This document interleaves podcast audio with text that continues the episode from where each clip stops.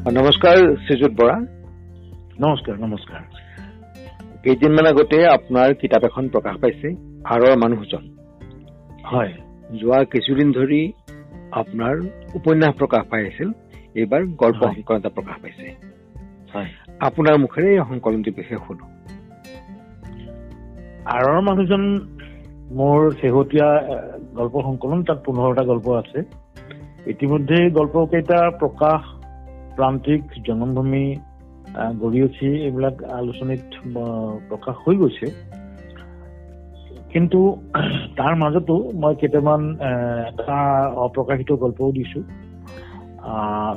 পোন্ধৰটা গল্পৰ সংকলন আৰু নামটো দিছো মই আৰৰ মানুহজন। আৰৰ মানুহজন এইকাৰণেই দিছো যে আৰৰ মানুহজন বুলি এটা গল্পও আছে তাত। আৰু আৰৰ মানুহজনৰ এই পোন্ধৰটা গল্পৰ এটা চিমিলাৰিটি আছে। সেইটো হ'ল কি যে প্ৰতিজন মানুহৰ ভিতৰত এজন এজন অন্য মানুহ থাকে বেলেগ মানুহ এজন থাকে যিজন প্ৰকৃত মানুহ। আৰু সেই প্ৰকৃত মানুহজন যেতিয়া নিসংগ অৱস্থাত থাকে বা অকলশৰীয়া অৱস্থাত থাকে তেতিয়া সেই মানুহজনে বাহিৰৰ মানুহজনৰ লগত কথা পাতে।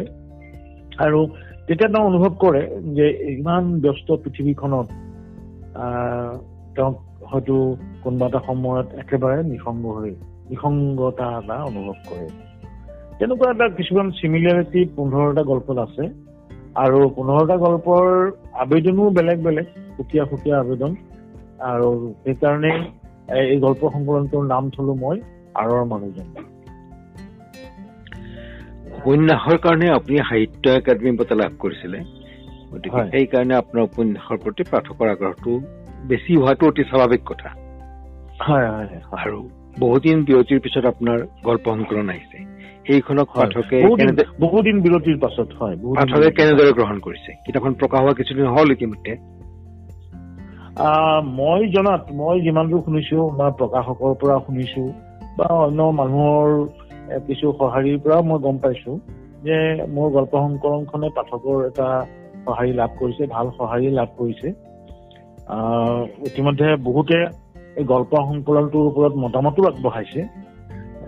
সেইফালৰ পৰা মই ভাবিছো যে মোৰ উপন্যাস কেইখনৰ দৰে এই গল্প সংকলনখনেও পাঠকৰ সঁহাৰি লাভ কৰিছে।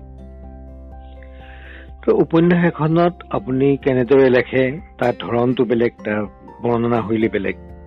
গল্পৰ প্ৰকাশভংগী বেলেগ বৰ্ণনা শৈলী বেলেগ। বেলেগ হয় হয়। আপোনাক ইয়াত মানুহে উপন্যাসিকতকে কি বেলেগ ৰূপত পাব? লেখকজনক। মই এই কথাটো বহুত দিনৰ পৰা ভাবি আছিলো। মানে মই নিজেও ভাবো যে মই এতিয়ালৈকে যদিও যথেষ্ট সংখ্যক গল্প লিখিলো তথাপি মই সাৰ্থক গল্প মই লিখিব পৰা নাই। সেইকাৰণে আজি কিছুদিনৰ পৰা মই কিছু বছৰৰ পৰা মই খুব সচেতন যে গল্প আৰু উপন্যাসৰ মাজত এটা পাৰ্থক্য আছে। যে সেই পাৰ্থক্যটো যেতিয়াই নোহোৱা হৈ যায় তেতিয়া মানুহে গল্পটোক ভাল নাপায়। বা গল্প এটা উপন্যাস এখন যদি গল্পৰ দৰে লিখিবলৈ হয় তেতিয়া উপন্যাসখনক পাঠকে আদৰি নলয়। গতিকে মই এই গল্পকেইটা লিখোতে খুব সাৱধান আছিলো আৰু খুব সাৱধান লিখিছিলো যাতে গল্পৰ যিটো চৰিত্ৰ এটা গল্প এটা জীৱনৰ এটা সৰু সময় এটা খণ্ডিত সময় সেই গল্পটোত ধৰি ৰাখিবলগীয়া হয় যিটো যিটো খণ্ডিত সময়ে জীৱনৰ এটা নতুন মাত্ৰা বা নতুন এটা পথৰ সন্ধান দিয়ে। গতিকে সেইকাৰণে এই গল্পকেইটাক মই আগৰ গল্প মোৰ আগৰ গল্পবোৰতকৈ এই গল্পকেইটা মই অলপ পৃথকে ৰাখিছো এই কাৰণে যে কিছু হয়তো এই গল্পকেইটাই এটা সাৰ্থকতা দাবী কৰিব পাৰে। সেইটো মই মানে মই নিজে মনতে পঢ়ি ভাবিছো আৰু আপুনি কেইবাখনো ধাৰাবাহিকৰ চিত্ৰনাট্য ৰচনা কৰিছে চিনেমাৰো। চিত্ৰনাট্য ৰচনা কৰিছিলে এই।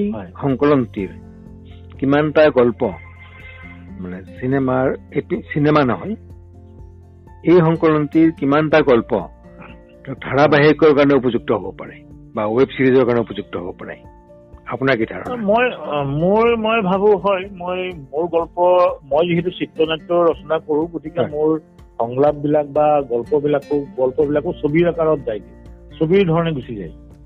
ইয়াৰ ভিতৰত এটা গল্প আছে হৃদয় যেতিয়া যন্ত্ৰণা। সেই গল্পটো মই ভাবো যে এখন ভাল ভাল চিত্ৰনাট্য সেই গল্পটোৰ পৰা হ'ব পাৰে।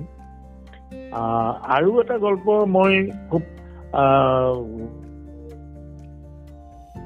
ভাবো যে সিও চিত্ৰনাট্য হ'ব পাৰে সেইটো হ'ল ভাল পোৱাৰ চৰাই।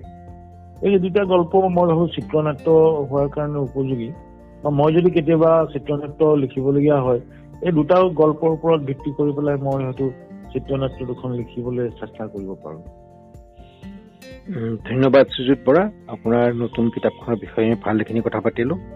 আৰু হয় হয়। মই আশা কৰিছো মোৰ এই পডকাষ্টৰ যিসকল শ্ৰোতা তেখেতসকলে কথাখিনি শুনি ভাল পাব আৰু আপোনাৰ কিতাপখনৰ প্ৰতি আগ্ৰহী হ'ব। ধন্যবাদ ধন্যবাদ। মোকো এইখন সুবিধা দিয়াৰ কাৰণে ময়ো আপোনালোকৰ সমূহ শ্ৰোতা আৰু আপোনালৈ ধন্যবাদ জ্ঞাপন কৰিছো